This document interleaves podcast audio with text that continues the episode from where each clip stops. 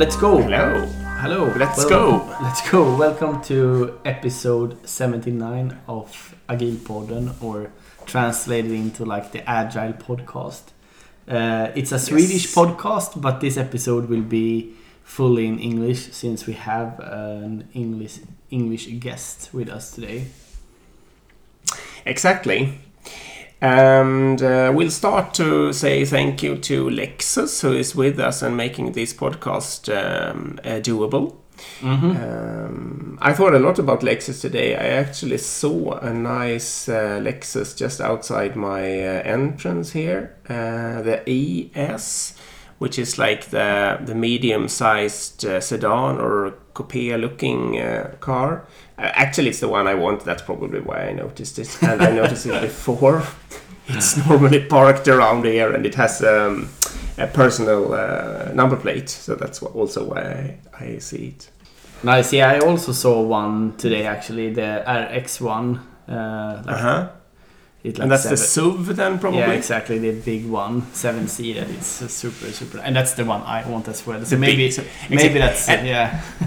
We are very biased, yes, because you noticed the, the seven-seated SUV, and I noticed the, the medium uh, sedan, uh, which, Yeah, which are exactly. our favorites. Yeah.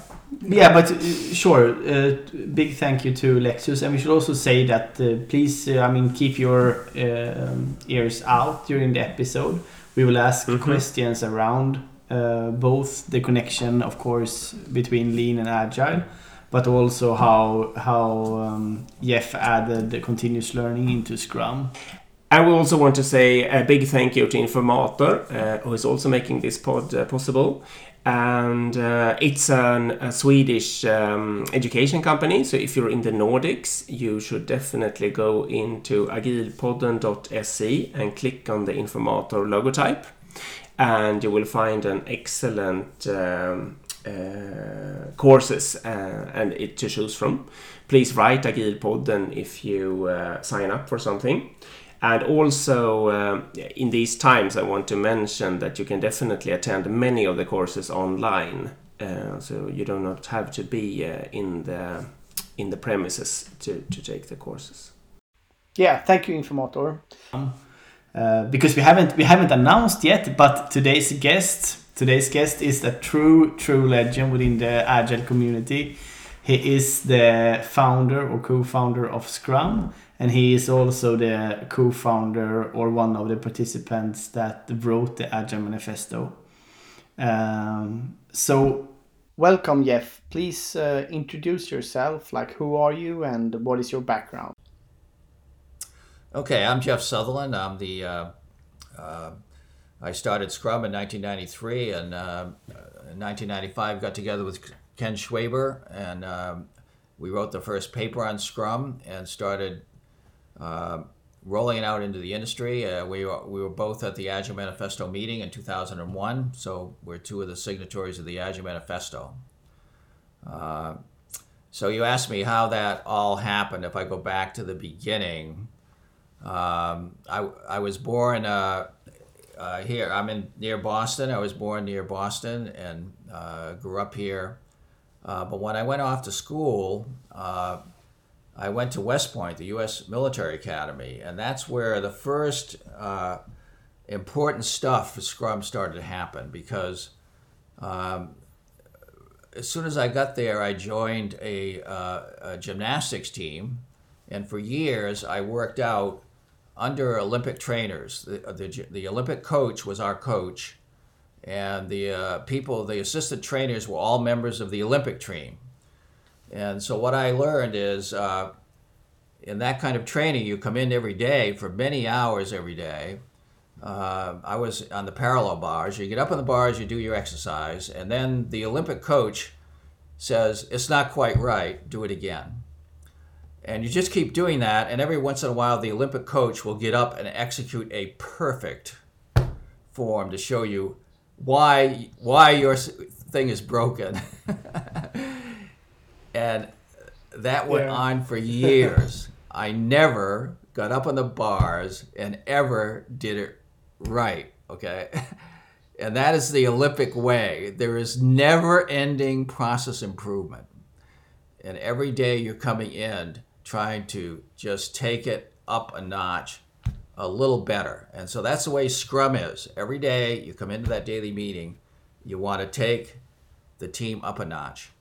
Uh, the last year I was there, I, I was uh, training, what they called training officer for Company L2. And Company L2 was one of the worst companies in the Corps of Cadets. They were, they were known as the Loose Deuce because of their sloppy behavior and bad performance. And they had been the Loose Deuce for a hundred years. So the, this culture of mediocrity was really embedded.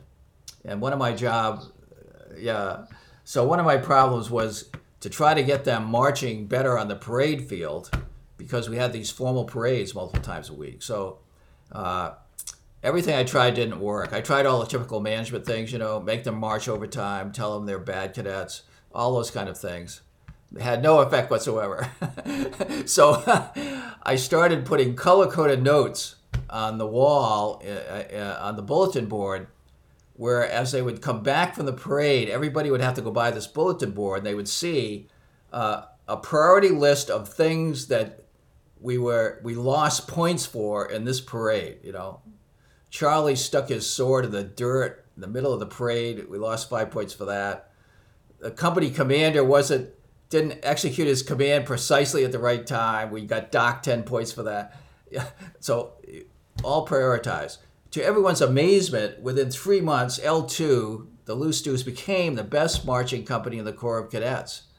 And our, and our most famous general, MacArthur, died about that time, and they were selected to march behind General MacArthur's casket and bury him. So it was an awesome experience for a company that been, had been, you know, the loose deuce for 100 years, and now the supreme company in the in the of Cadets. But what it told me that's relevant to Scrum is making work visible and making clear what the priorities are can cause teams to self-organize to achieve greatness. Okay, so that was a really important lesson for Scrum. Uh, when I graduated, I had the opportunity to actually change services and go into the Air Force. And uh, I told the Air Force if they make me a fighter pilot, I'll, I'll, I'll join the Air Force instead of staying in the Army.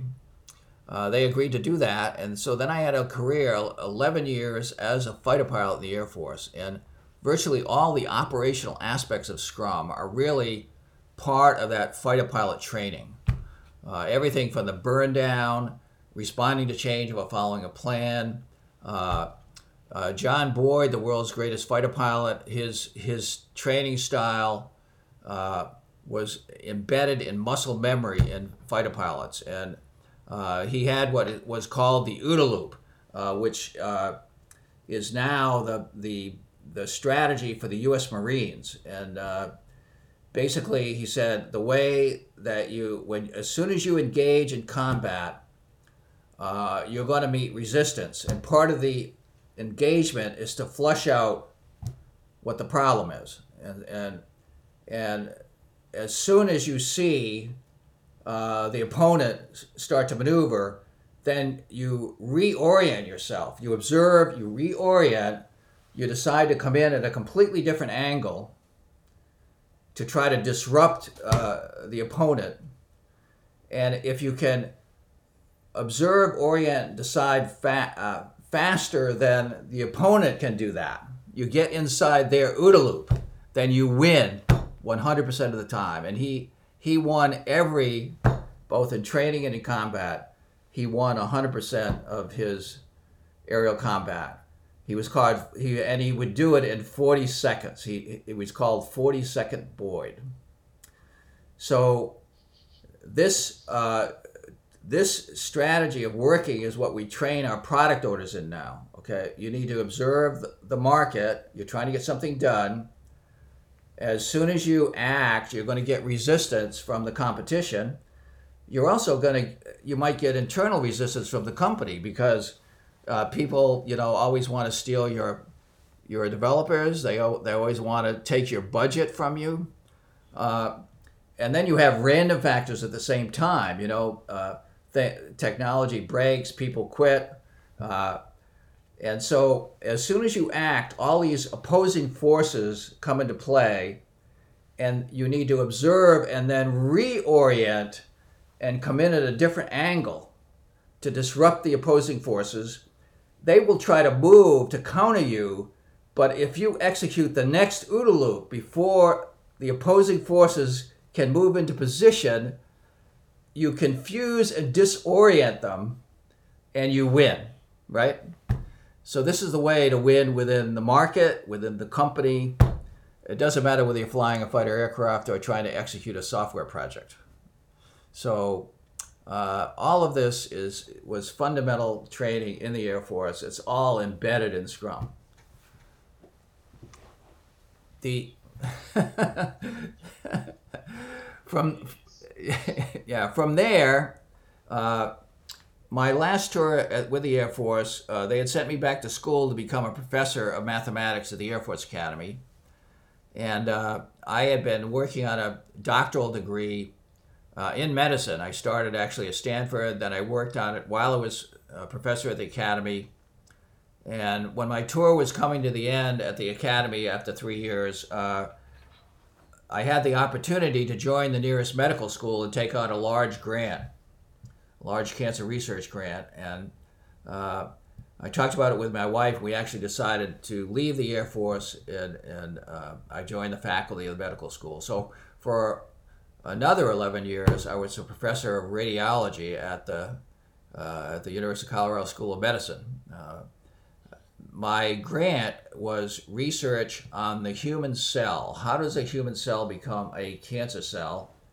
What are the systematic steps that cause that to happen can you what can you do to reverse or prevent those steps uh, that was fundamentally the research so understanding complex systems and how they evolve and how you can change a system moves through a design state to various design states based on events that uh, disrupt them or change their course and it doesn't matter whether the system's a cell or a software team. It, the, it's, the system will change its, its level of performance based on interventions that come in. So all of Scrum is designed as a scientific experiment. Every day, this, the Scrum Master comes in and is, and is coaching the team.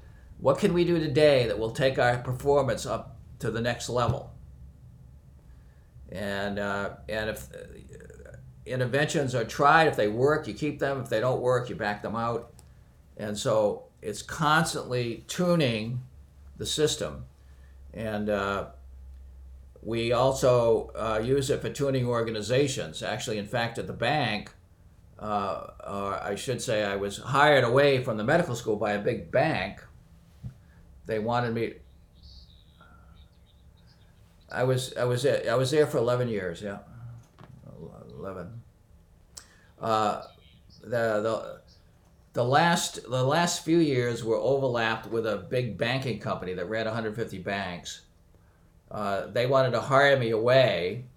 I still had a grant that they let me keep working on for a third of my time, so I was still part of the faculty while I'm at the bank. But they wanted me to to chart their technology future. So they, I was basically the CTO for 150 banks. And so uh, as I was working on that for, uh, for the banking company, I was watching what the projects were doing. And the, the, these pro- they had many kinds of programmers, uh, but the largest majority were these COBOL programmers working on these big banking projects, and they were always late, 100% of the time. I, and I went into the CEO's office one day and I said, Hey, Ron, have you noticed all your projects are late? He said, Yes. he said, Every morning, at least five CIOs of banks call me up. They scream at me every morning, he says. I said, Well, you know, do you want to live the, live the rest of your life like this? he says, No. what should I do? so I said, Okay. I said, We need a completely different operating system. I said, The way they're running these projects, basically traditional waterfall, I said, is completely nuts. I, I had never seen this before. you know, I came out of a research environment. I'd been working with Bell Labs. I knew how they worked, and the teams that I worked, I worked with the guys that invented the C language, the guys that invented Unix, and they always work with small teams, uh, very agile, you know, very fast moving. Uh, so to look at this bank, it, it, was it was like horrifying. So I said, I said they're using this Gantt chart thing, you know, they have thousands of tasks, and every task has a name and a date. And I said, you know, I'm a mathematician, so I calculated the pro- what is the probability that one of these tasks on the Gantt chart slides and makes the project late. And guess what? 99.99999% of the time, your projects are going to be late. So we got to throw out the Gantt chart. So I said, we can't do that for the whole bank at once. It would be way too disruptive. But what we want to do is take a business unit. Let's take the, the business unit that is losing the most money, and we'll introduce a we'll introduce a new operating system. I said I'll, I'll take them. I'll make them in small teams of four or five people. Uh, every Monday we'll have product marketing come in with a backlog that's prioritized by business value. We'll do one week cycles every Friday afternoon. They'll deliver whatever's being worked on and uh, instead of the instead of the Gantt chart, I'll give them a burn down chart. So just like a fighter pilot, they can come down, they can see where they are on the glide path, and they can land that land that sprint uh, right at the end of the runway.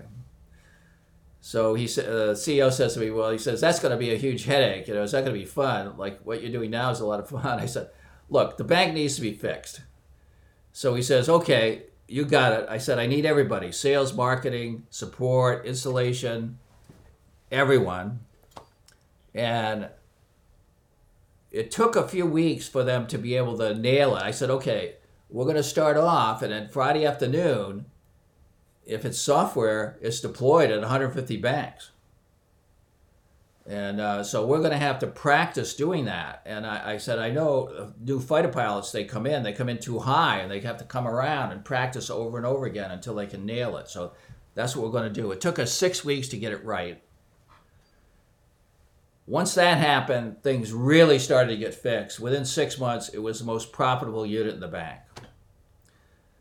So that, that was the first implementation of what today we call Scrum at Scale. And that was in 1983.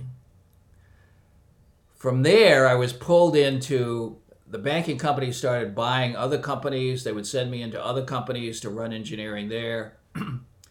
uh, from the banking companies, I was pulled into technology companies, object database companies, software tooling companies, always experimenting on how to get these small teams working better.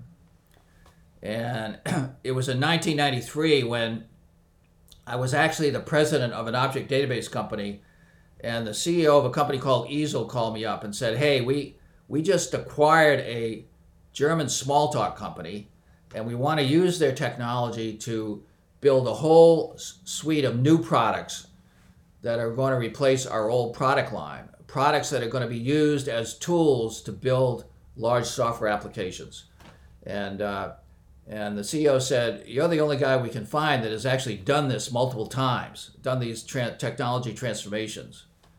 And if you come in, we'll give you whatever you want. You know, you'll be like the chief engineer at Toyota you take a team of our best people.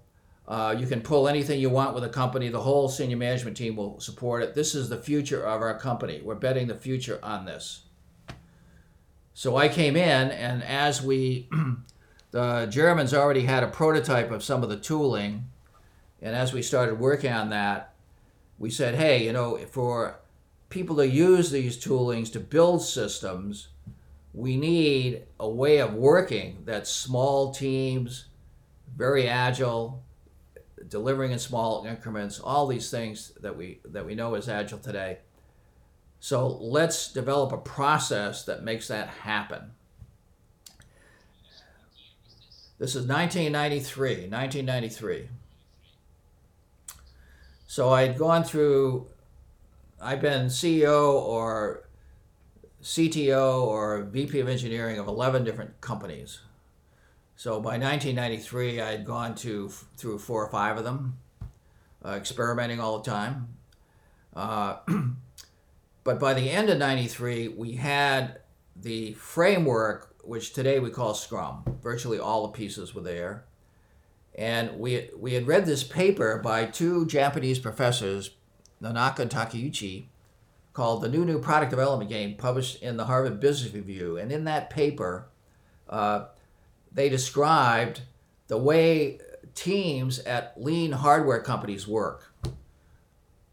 Teams at Toyota, at Honda, and how they worked in cross functional ways and in very short iterations delivered stuff faster and faster. Um, particularly the new product teams. Uh, you know, not just on the assembly line, but the guys building the new cars. Uh, and we thought that was a really good description of what we were doing. And one of our biggest customers was Ford Motor Company. We had a thousand users at Ford Motor Company. So we said if we give them this, if we give the management these this Harvard Business Review paper that talks about Scrum project management, we tell them that's what we're doing. We can get buy-in from the leadership. So that's where the word Scrum came from. And we when we when we decided to call it Scrum, the team said, "Well, what will we call the team leader?" And the team said, somebody on the team said, "Let's call him the Scrum Master." Let's go back to calling it Scrum. So for yeah, exactly. Did, did you see that in that article, or how did it come up with? well, in the article, uh, Takeuchi and Nonaka defined different different product development styles. You know, there's the traditional waterfall style. They saw that at NASA. They went around the world, visited different companies, where you do the requirements and then you hand off the requirements. You do design, then you hand off the design. You do implementation. You hand off that to testing, and then many years later you get a space shuttle. Okay, so that's a traditional. Uh, then they saw at uh, at Fuji, I think it was, they saw a kind of a slicing where they do slices. Uh, so instead of doing waiting to the end to get everything, they deliver in small slices. Uh, so more of an iterative, uh, um, not really waterfall, but kind of an iterative de- uh, development thing. But then when they looked at places like Honda, Toyota, they saw these teams in cross-functional teams in short increments, delivering production prototypes and and and expanding those prototypes until they had the the product ready to go to market. And they said those teams worked so closely together, it reminded them of the game of rugby. So they said, we're going to call this Scrum Project Management after the scrummage formation in rugby. So that's where it comes from. Now, as soon as we decided on that, we realized that everything from lean now applies to Scrum. So, in addition to all the software development tooling, all the we had we had been doing pair programming, continuous integration, uh, uh, component architectures, all that good stuff that you do in software we've been doing. Uh, but now we realize all the lean tooling in manufacturing and hardware was relevant. And so we started really thinking, okay, how do we how do we marry the lean with the software tooling to get even better performance? And over the next two years, we did delivered several releases of a product called Object Studio, which still exists today. And the the company that owns it said that product has been successful from day one. Revenue, revenue has gone up 10% at least every year, and it's still increasing. So uh, it was one of those innovations uh, that I did that is really long term. It transcends companies, you know, because the the the tooling and and the way it works is so effective. Yeah, just checking. Yeah, I just had a question, sort of, um, because if I listen to it, it sounds like. Uh, Agile and Scrum did not come out of Lean. It's rather that you developed Scrum out of all of your cross disciplinary experience and everything you had. And then you compared it with Lean, sort of, and noticed that you had something really yeah, similar. I mean, when, when we read Takeuchi Nonaka's paper and they described how things worked at, at Honda, in that paper, there were Honda, uh, Canon, 3M in the United States. Toyota wasn't in that paper, they, but they wrote a whole book on Toyota and many papers on Toyota after that. we realized that what it was convergent evolution. What we were doing was exactly like new product development at Toyota. And the chief engineer, I was hired in basically as a chief engineer. And what I did was I split off some of that responsibility, gave it to the scrum master. Uh, as the team booted up, it was it was in the second sprint in 1994 that we read a paper, another paper from Bell Labs, on the fastest team they had ever audited. It was it was a, a team at Borland that was 52 times faster than the competitors at Microsoft. So the eight, these eight people at Borland were worth 416 Microsoft developers, and their code was much higher quality.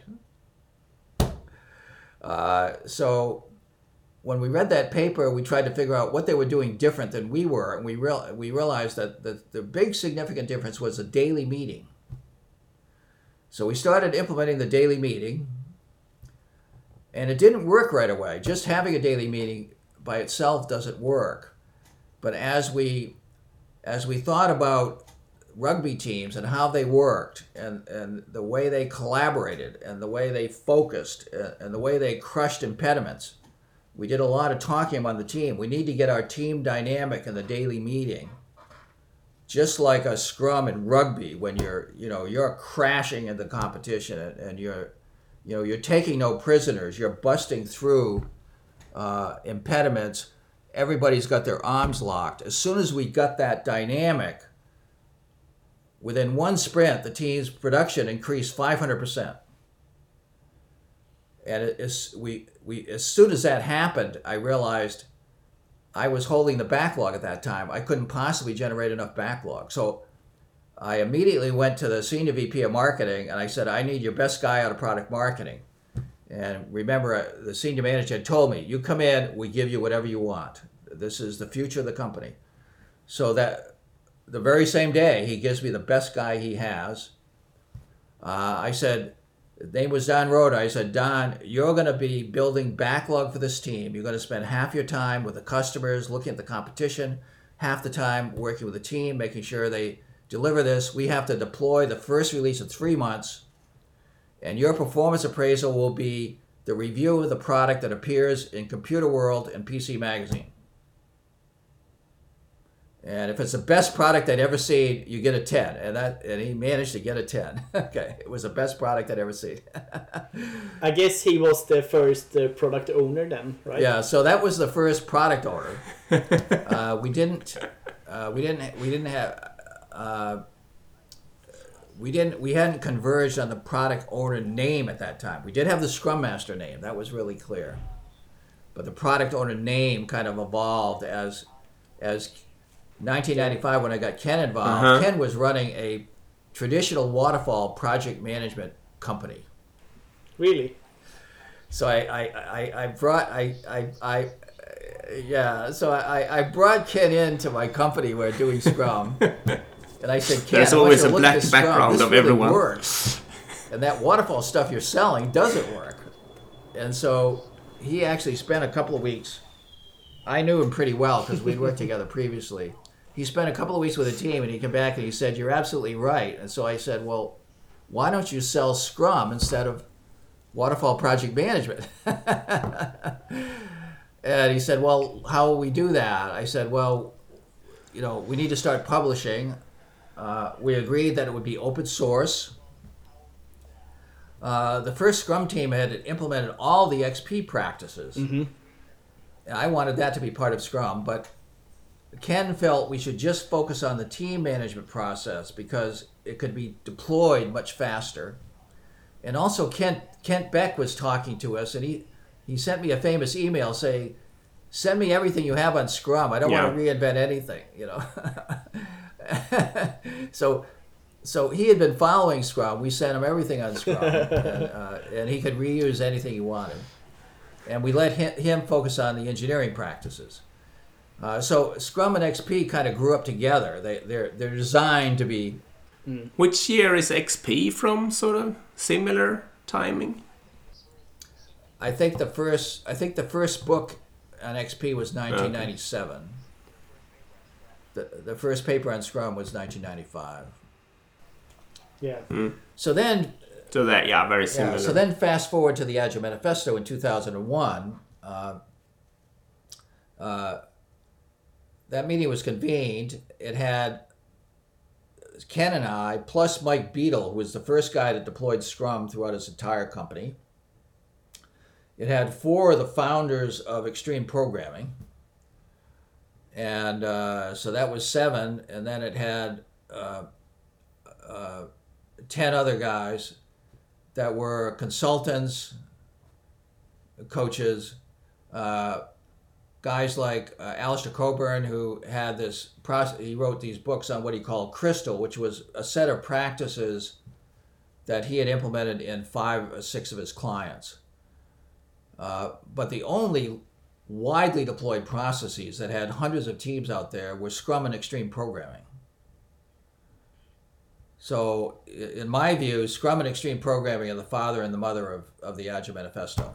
It definitely sounds like it. How, who came up? Who sort of? How did you get into this meeting, or were you even the initiative uh, person, or how how did it start? Well, sort of? uh, the uh, it was con- convened by the CEO of Object Met- Mentor, Uh-huh. Bob Martin. He had actually been following the Sc- Scrum development, the Internet News Group, back in 93, 94 timeframe. Okay, so he knew about you from from that And- time. Yeah. And he also had implemented XP at Object Mentor, Mentor. So he was, you know, a really using XP for Mhm. his business. Uh, and at the time, the the big competitor was RUP, Yeah.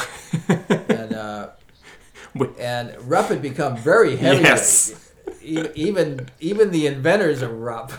I'm working with I'm working with Ivar Jacobson now, and he said, you know, RUP just became so heavyweight, it just you know fell over of its own weight.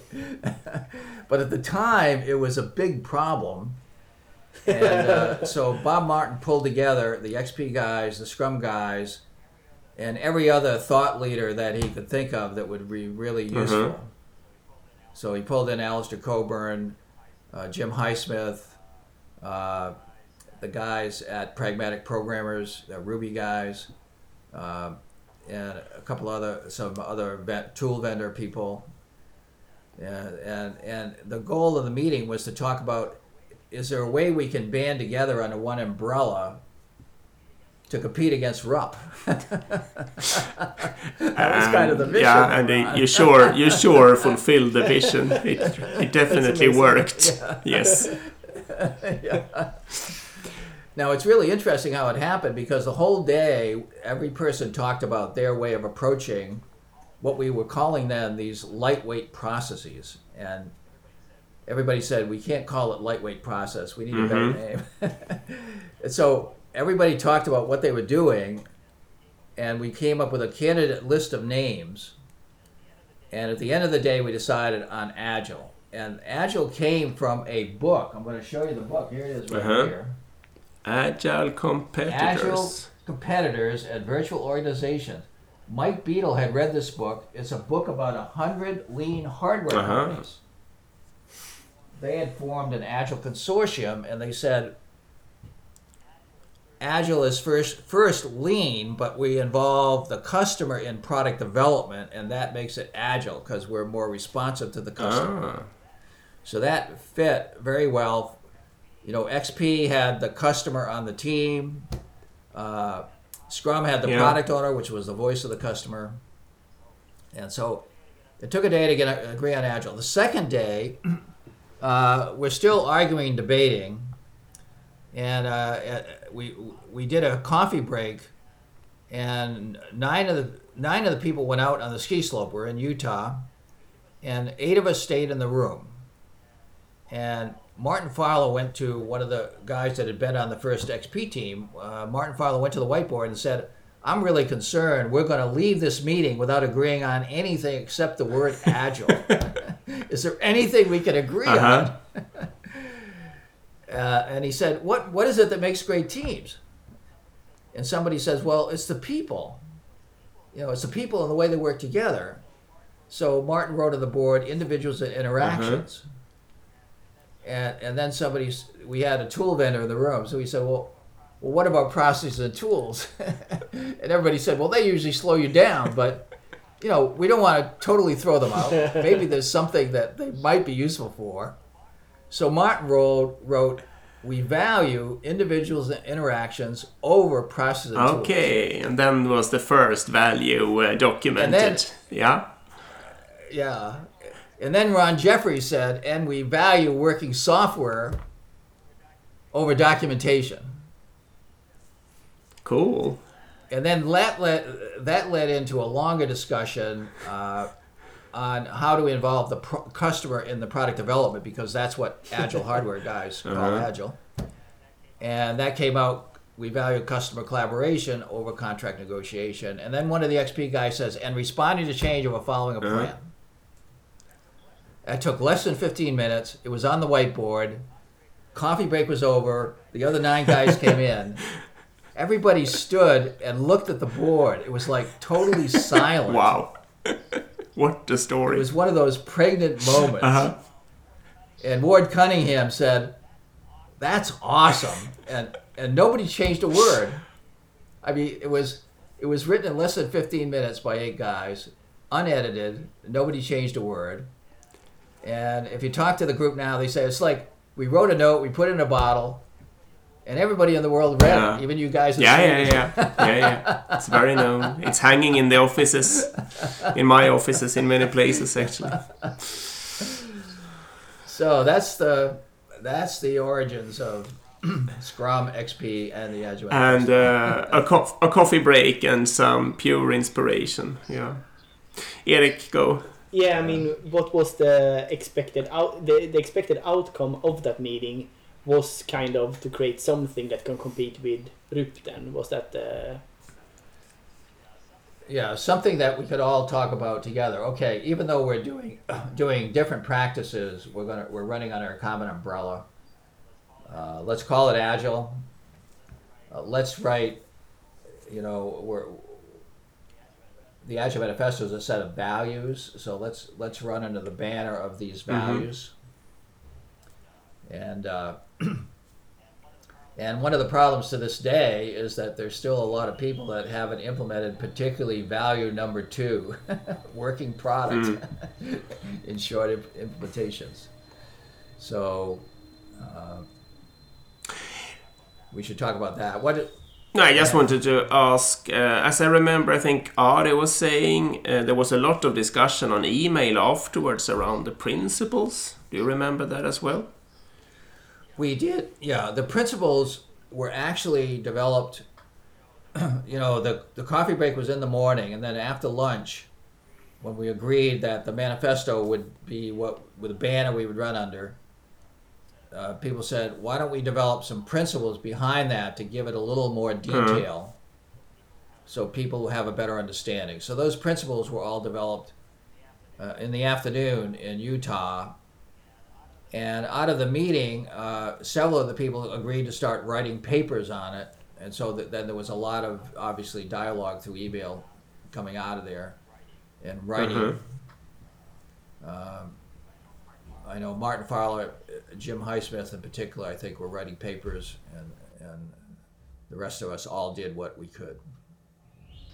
Yeah, exactly. Um, we were talking also about like we can talk a little bit maybe about the misconceptions of Scrum or what is the worst implementations of Scrum or like these kind of things you have seen over the years. So, if you look at the data from the Standish Group, which has 50,000 project sets, each set has 8 to 25 projects. So, it's four or 500,000 projects. You split them into Agile versus Waterfall, you'll see that the success rate of Agile is about twice Waterfall, but the failure rate is about this is is 58%. About 50% of agile teams are late over budget with unhappy customers, and 8% don't deliver anything.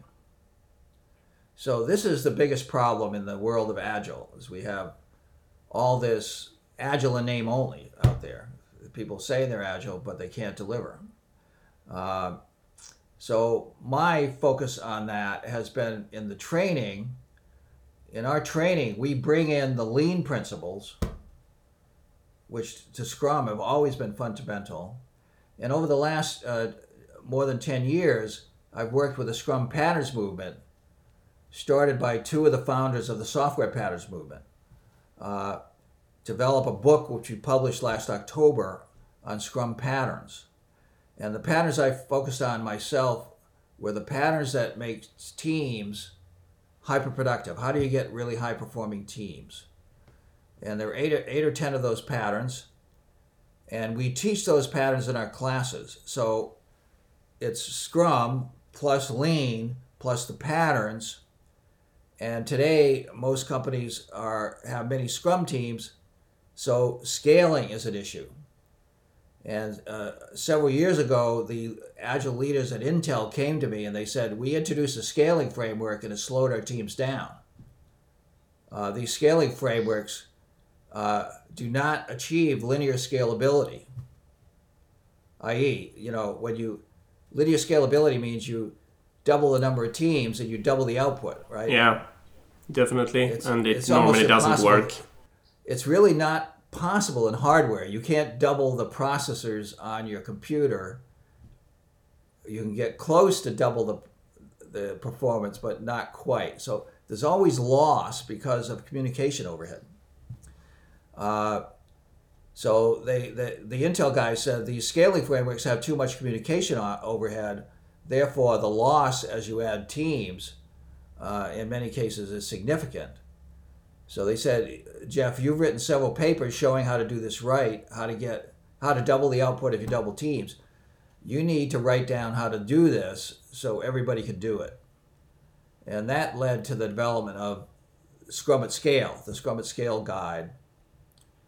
And so this is part of the package that we're te- teaching in Scrum. It's Scrum plus Lean plus the patterns plus Scrum at Scale that allows you to get you know, our book is uh, called Twice the Work in Half the Time, right? Scrum, the art of getting twice the work in half the time. How do you do that at scale? And we just recently published this great case study at Quicken Loans. Uh, Quicken Loans is the biggest mortgage provider in the United States right now, uh, and probably in the world. And they implemented SAFE with 17,000 people, 26 release trains and they actually have very good data showing that the uh, the the cycle time was cut in half. So they doubled production with Safe. It's the only Safe implementation I've ever seen that, that has done that at scale. But but but but the leader the leader of the of the of the release train that does the front end of the Quicken Loan system came to my trainer training for Scrum at Scale, and he went back and implemented Scrum at Scale on top of Safe. And his release his release team gets 340% more production oh than yeah. the sa- other Safe release trades. So he took Safe and took it twice the work and half the time that Safe could do by implementing Scrum at Scale. So that's that's one of my major areas of work these days. Is uh, we have a whole training program for Scrum at Scale trainer worldwide, over 100 people. Even Henrik Kniberg is a Scrum at Scale trainer Okay. and he used and he had he used Spotify as his Scrum at Scale case study. Uh huh. Yeah, I seen that. Yeah, that's cool. Yeah, I, would ju- I, I just need to go go back and ask another question because after you wrote the Agile Manifesto in 2001, it actually took some years before anything happened, right? Because it was not a big success and everyone adopted it at once. Yeah, well, of course, ex- Scrum at the time of the Agile Manifesto, extreme programming actually had many hundreds of teams deployed. They were actually the biggest, and Scrum had hundreds of teams, but nowhere near as many as as extreme programming. Uh, and so as as people started wanting to become agile, Scrum and extreme programming were the main the main tools to actually implement it. And what happened was that that Scrum really actually works for multiple teams. XP is very focused on one team, getting one team working well. Scrum is more focused on just not only the team, but how do you have a set of teams that work together. Uh, and it's it's also easier and quicker for people to implement. So all of a sudden, the implementation started to explode in Scrum. And if you read, uh, you know, the latest data in Forbes magazine, seventy-seven percent of the agile transformations in the world are Scrum. Yes, it's huge. Yeah, I think the biggest uh, misconception I see with Scrum is that many is talking about a sprint length of two weeks, and that that is also like the same thing as the deployment cycle. So many things saying like, yeah, we want to do continuous integration, continuous development, we want to release every day, and therefore we can't uh, use Scrum. They miss that the the sprint length is only the planning cycle. What, yeah, what people don't understand is that in the early days of Scrum, uh, particularly by 2000, even before the Agile Manifesto, we were moving to continuous deployment multiple times a sprint. And in actually, even the first Scrum, we delivered uh, to production. It was actually used internally in the company, but the product was used. The very first sprint, we deployed software to our consultants who were working on projects, and they actually used it on projects. And we did that every single sprint.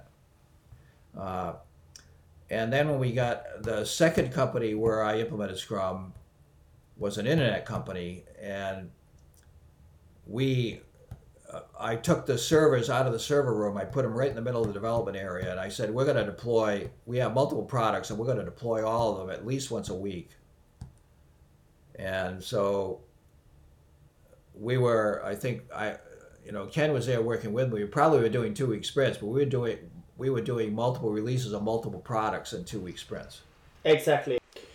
Uh, what is your opinion in general about SAFe otherwise? Because that's hugely implemented now in like many, many companies, especially here in Sweden and Europe. Well, I just I just finished a Scrum at Scale training with a SAFe fellow. So he's one of the leaders of the SAFe community, and he's Okay. part of he's part of Ivar Jacobson's company. Uh, Ivar is the inventor of RUP, and Yeah, Dean Leffingwell was his salesperson for RUP. I heard that. That's really funny. And- And, and we and- should say that and- Dean is the founder of. Uh, and he SAFe. said Yeah. he a couple of years ago, Ivar met with me in, in Amsterdam, and he said, uh, "Jeff," he said, "I think we should work together. Uh, first of all, to define Scrum better. He has this international standard on methodologies, where he uses these essence cards to define the methodology. So, he wanted to do that with Scrum, but he also said, you know." Uh, Today, 100% of Ivar's business then was safe. He's the biggest safe provider in Europe. Uh, and he said, you know, I don't want to bet everything on safe because look what happened to RUP. and I said, I said, you mean, I said, you mean safe is RUP 2.0? And he said, yes.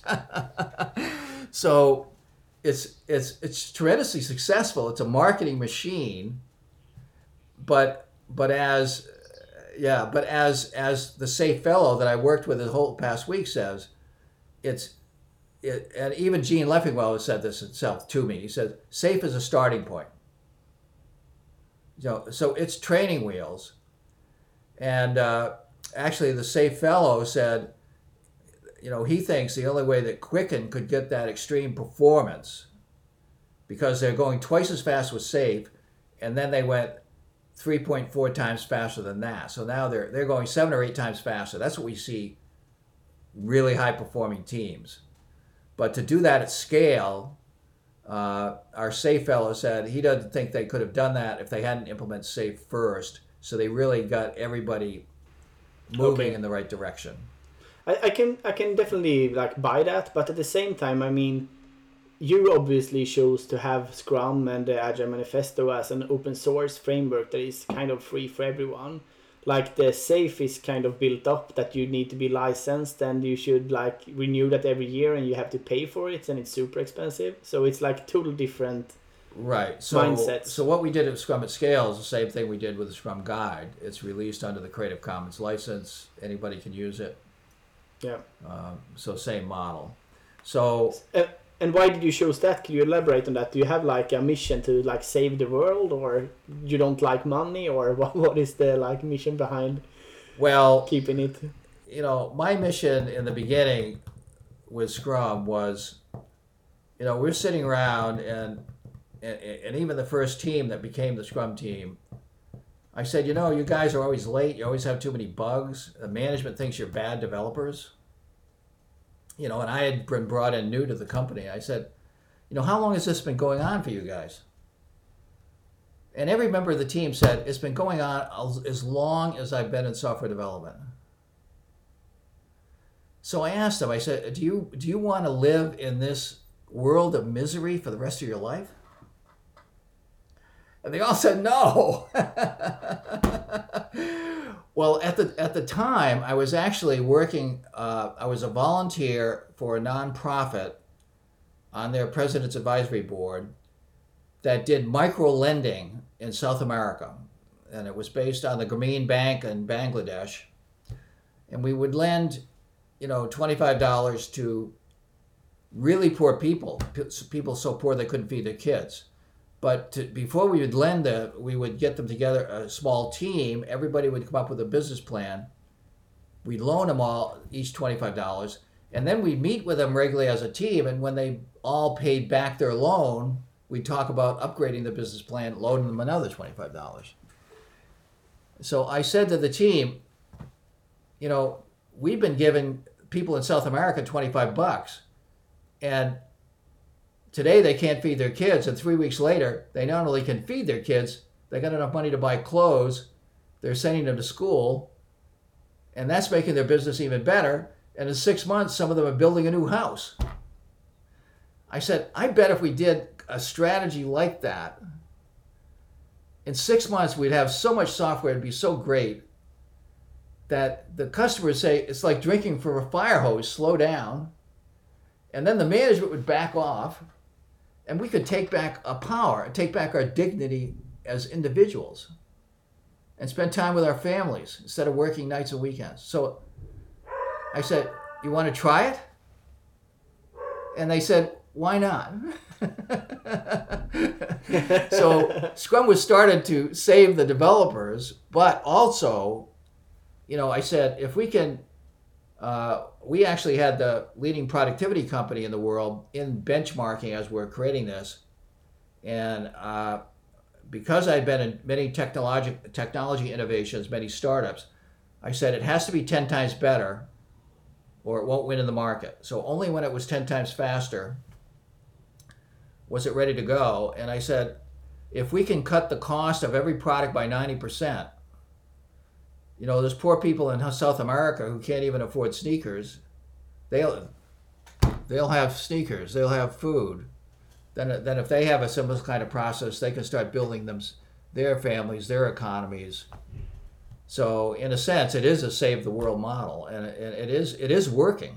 It is working. Yeah. working. Yeah, that's amazing. That's really, Yeah, really. really, really cool. Uh, I have another question just on top of mine, so I will just shoot it. Like, if you can decide like the perfect sprint length, because that is like, should you do one week sprints or two week sprints or Yeah. four week sprints? Now I want to Well, have the like yeah. final answer. Well, first of all, First Yeah. of all, everything in Scrum is based on data. Remember, I have a, a- basically a research background.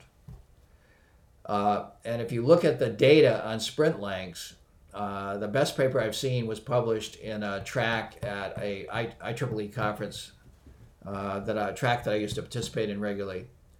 And what it showed, the data showed that the shorter the sprint, the more got done. Uh, and it showed that, and this was on hundreds of teams in a company, and they did both computer Monte Carlo simulations, and they also had data on these hundreds of teams in a company, and both the simulation and the teams showed the shorter the sprint, the stories start getting smaller, they start to getting done faster, and so the total output increases. So the sprint should be as short as possible. At Scrum Inc., we run one week sprints, and we try to get everybody to do one week sprints. The only company that we've been able to get totally one week sprints has been 3M. 3M does nothing but one week sprints. Everybody else is still saying, "Oh, we need we need two weeks," but let me give you an example, though. We were asked to go into one of the biggest hospitals in Boston and cut try to cut their surgery turnaround time. And so we went in there and we did innovation sprints. I, I, I, I told the coaches we need to do something like Google has a book on uh, design sprints kind of thing where you do weekly sprints. Uh, I said it needs to be something like that. And so they set it up so that every surgery was a sprint. It has sprint planning, sprint review, and retrospective. And in less than two weeks, we cut the turnaround time in surgery in half. The implications of that is it increased the number of surgeries by 20%. Well, in a hospital, on the average, 50% of revenue is surgery. So if you increase surgery by 20%, revenue goes up 10%. The revenue of this hospital is over $7 billion. So in two weeks of one to two hour sprints, we opened up a $700 million window of profit for the Wow. hospital. Okay. That's amazing. So, you know, short sprints can be really effective.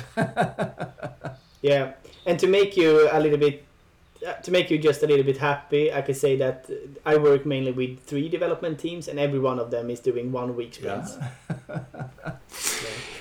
Do you know of any successful implementation in IT with the shorter sprints than one week? Well, I'm trying to think about that. I mean, I know, I know, in, in Henrik at CRISP has done a lot of experimenting at CRISP, uh, even with projects within s- CRISP where they do day-long sprints or maybe even hour-long sprints. And anytime they do that, they get a ton of things done. Uh, so I think the sprints should be, if you want maximum performance, the sprint should be no longer than a week, and you should experiment with shorter sprints. See if that makes it better.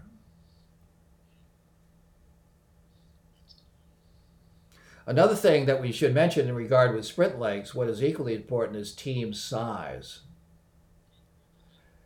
And and uh, there was a book published out of Harvard uh, a number of years ago where they had done 20 years of research and they said the, the optimal team size is an average of 4.6 people. And uh, and the Scrum guide says three to nine, but nine is too many. So we don't allow nine at, at, uh, at my company. And so as as teams start to get seven, even usually before they hit eight, they will they will split, go four and four. So that's as that is as important as short sprints to get maximum Yeah. performance. Fairly small teams, short sprints. Uh, I was thinking, like, are you using Scrum or any agile uh, like principles in your daily work or in your daily life, like when you shop food or when you go on vacations or stuff like that? Yeah. Okay.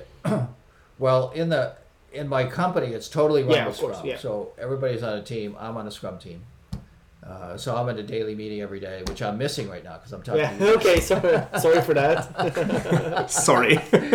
But if you look at my wall, I've got I've got uh, uh, you know I have I have stuff that I'm doing that's not part of the company, and I have a scrum board on my wall for that. And if you go downstairs on the refrigerator, my wife has a scrum board on the refrigerator. there's a there's a book that was written a few years ago called Happy Families. this New York Times reporter went around and started interviewing agile guys about how they use uh, how they use agile in their families. And he talked to several Scrum people. Uh, our example was how we uh, set up our Thanksgiving dinner. Thanksgiving is a big holiday in the United States where whole family comes together. And uh, we set it up with Scrum. We had about five different Scrum teams. It was the best Thanksgiving ever. we, we describe this, and it's in the book. And there, there are other examples like that, yeah. cool. Yeah. I think Dick, you have used it with your children, right? Yeah. Then we had a sprint length basically of one day. We were sort of having home vacation uh, in Stockholm. And we had a backlog, and we were uh, voting every day, like what we wanted to do. Uh, it wasn't Yeah. pure Scrum, but it was Scrum- Scrum-inspired vacation. Yeah, it worked very well. Everyone was happy. Uh, okay, maybe we should uh, have uh, the last question around the future. Like, where do you see Agile in 5, 10, 15, 20 years ahead of time, and also Scrum, of course? Well, you know, people always ask me what's next after Scrum, and I say, okay, what's next after Lean? That's a very good answer. Good answer. there, the, the the only thing that's after Lean is making Lean better, which Scrum does. It, and the main thing it adds, which the Agile hardware guys say, we involve the customer in product creation, so we get a much better fit to the customer. Uh, to improve on that is is going to be as challenging as improving on Lean. And the the only uh, significant process that that people have focused on is Kanban, but Kanban by itself doesn't require you to have a team. you can have specialists working in silos on columns, and that is really slow. So, uh, in order to make Kanban work really well, you need to have a team. You need to, you need to have a daily meeting. You need to be really doing continuous improvement. You need some kind of you need to make sure the backlog flowing into the Kanban is is in a good ready state, it's prioritized properly. By the time you get Kanban working, it looks like Scrum with continuous deployment. a last su- super last question from my side is we should also say that like this podcast is actually uh, brought to us and sponsored by Lexus so we have like a, a close connection with them when it comes to like lean production and, and all that stuff um, and Yeah. and I'm just thinking also about like the continuous learning uh, with retrospective how did you come up with that and how were you influenced to like add that as a as an actual meeting Well, the meeting that we had uh, when we started Scrum, I said we're going to implement what they im- implemented at the uh, at MIT.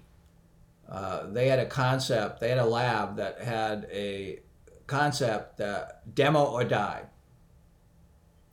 Every project had to had to demo every few weeks, or they killed it. It was the MIT Media Lab.